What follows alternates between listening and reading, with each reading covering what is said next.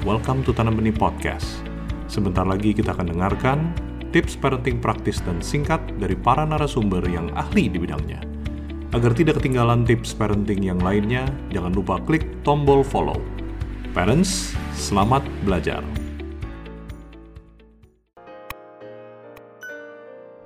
Anak saya perempuan 9 tahun, anaknya pintar dan aktif, selalu juara kelas, dan pada dasarnya baik hati.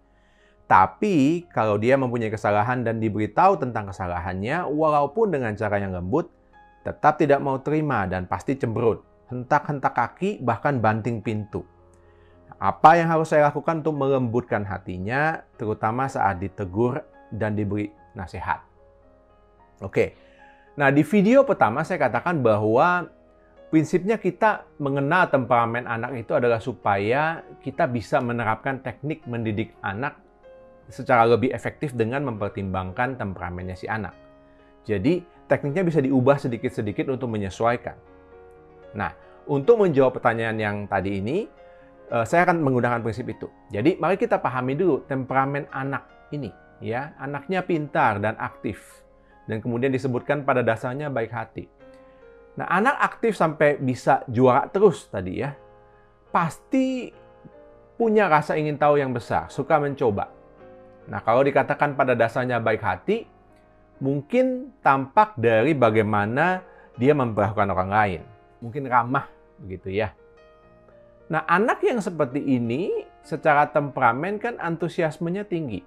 Suka bersosialisasi. Karena suka bersosialisasi itu juga biasanya ciri-ciri anak yang antusiasmenya cukup tinggi. Tapi Sepertinya antusiasme yang tinggi itu juga dikombinasikan dengan reaksi negatif marah yang cukup tinggi juga. Artinya ya kalau dibatas-batasi akan cenderung marah. Dan satu lagi, dalam kasus ini ya, tampaknya kecerdasan juga bisa mempengaruhi. Anak yang cerdas dan antusias biasanya kan tidak mudah dibilang salah. Dia akan punya argumen Pasti argumennya banyak kan ya saat dikasih tahu tentang kesalahan.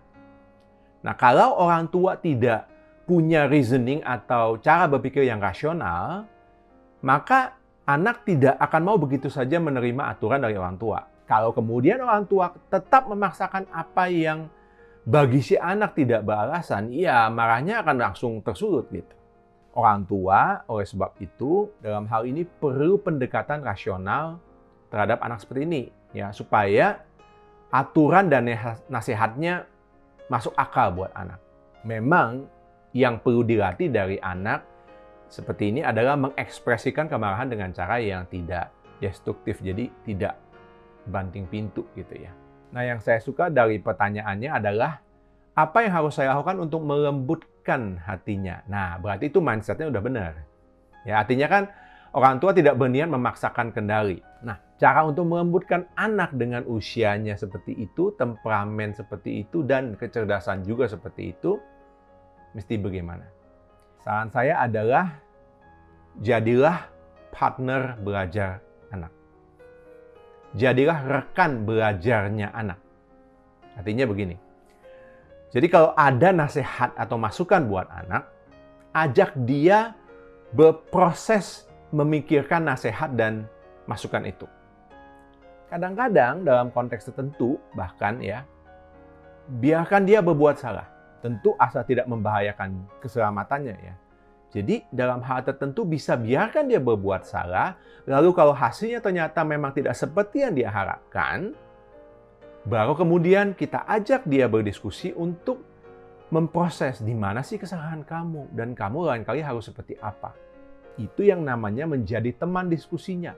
Pada saat dia berproses mempelajari hal-hal yang memang baik yang kita mau tanamkan dalam dirinya. Nah, itu cara melembutkan hatinya. Anda baru saja menambah wawasan parenting Anda bersama Tanam Benih Foundation. Sekarang, waktunya diaplikasikan. Jangan lupa follow podcast Tanam Benih di Spotify agar tidak ketinggalan parenting tips yang lainnya. Ingat, tidak ada parents yang sempurna, tapi kita bisa terus belajar untuk menjadi parents yang lebih baik.